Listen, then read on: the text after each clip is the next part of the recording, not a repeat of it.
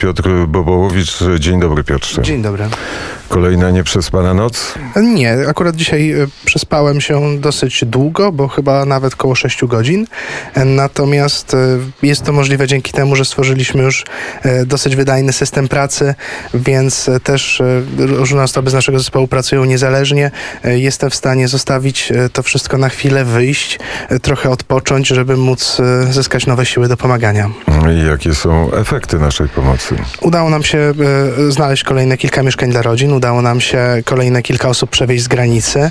Mm, Między innymi mieliśmy taką sytuację w nocy, e, że około północy e, transport osób z granicy zepsuł im się samochód w Warszawie, w- złapali gumę i udało nam się właśnie dzięki naszym radiosłuchaczom znaleźć kolejną osobę, która ich w Warszawie przejęła, zawiozła do miejsca docelowego. Mm, Także o północy rozsyłałem SMS-y, żeby no jednak do ludzi nie dzwonić. Mm, To tutaj też taka prośba, jeżeli ktoś e, jest gotów do tego, żebym dzwonił o każdej porze dnia i nocy, e, to też może to zaznaczać w e, swoich mailach. To też bardzo ułatwi mi później pracę, jeżeli będę miał taką adnotację, że możemy dzwonić o pierwszej, o drugiej, jeżeli będzie jakaś sytuacja awaryjna.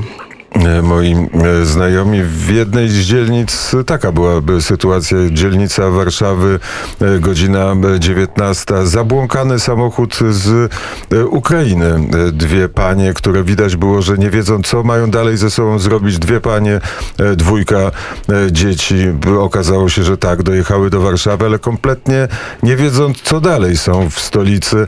Na szczęście mój znajomy zapytał się, jak może pomóc i potem okazało się, że przez cztery dni jechały z Kijowa. Oczywiście nocleg e, został zapewniony i też zgłoszona informacja została do Ukraina małpa wnet.fm, bo to jest ten adres, pod który można też zgłaszać osoby, które coś e, potrzebują i wtedy, jeżeli mamy to coś e, w zasobach, wtedy to udostępniamy i realnie pomagamy. Tak, a w tym momencie mamy też kilka pilnych próśb e, i mam taką bardzo pilną prośbę. Potrzebujemy specjalnego transportu dla osoby na wózku.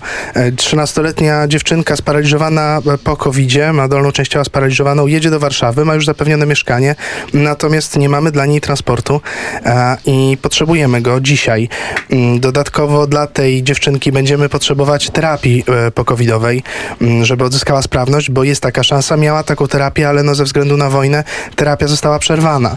Mm, Mamy również e, inne potrzeby, bo szukamy mieszkań dla osób niepełnosprawnych i osób z zaburzeniami, głównie dziećmi ze spektrum autyzmu e, w Krakowie. E, Tam działa fundacja, e, działają wolontariusze, którzy takim osobom pomagają, przeprowadzają terapię, natomiast mają bardzo poważny problem z zakwaterowaniem e, właśnie tych osób, które takiej terapii potrzebują w Krakowie, żeby mogły, mm, żeby mogły tej terapii być poddane, w tej terapii uczestniczyć, żeby mogły dobrze funkcjonować. Szukamy też w tym momencie dla czterech starszych osób z trójką dzieci jakiegoś spokojnego miejsca. Może być mniejsza miejscowość, może być jakieś miasteczko, mm, gdzieś, gdzie będą bezpieczni e, i e, gdzie będą e, dobrze się czuli. Mm, To są takie najpilniejsze prośby. Oprócz tego mamy jeszcze prośbę o znalezienie, pomoc w znalezieniu samochodu, jakiegoś taniego do kupienia, mm, ewentualnie ktoś, kto mógłby wypożyczyć taki samochód na jakiś czas z automatyczną skrzynią biegów w Lublinie. To może być jakiś mały samochodzik dla pani, która ma problemy z poru- z poruszaniem się, ma problemy z nogami i ma dziecko i e, też e, bardzo on by jej się przydał. E, Także takie zgłoszenia również można wysyłać na ukrainamałpawnet.fm. Mm, Tam czekamy na państwa oferty pomocy. No i pomagamy. Nasze biuro działa prawie przez 24 godziny na dobę. Piotr Bobołowicz, bardzo serdecznie dziękuję.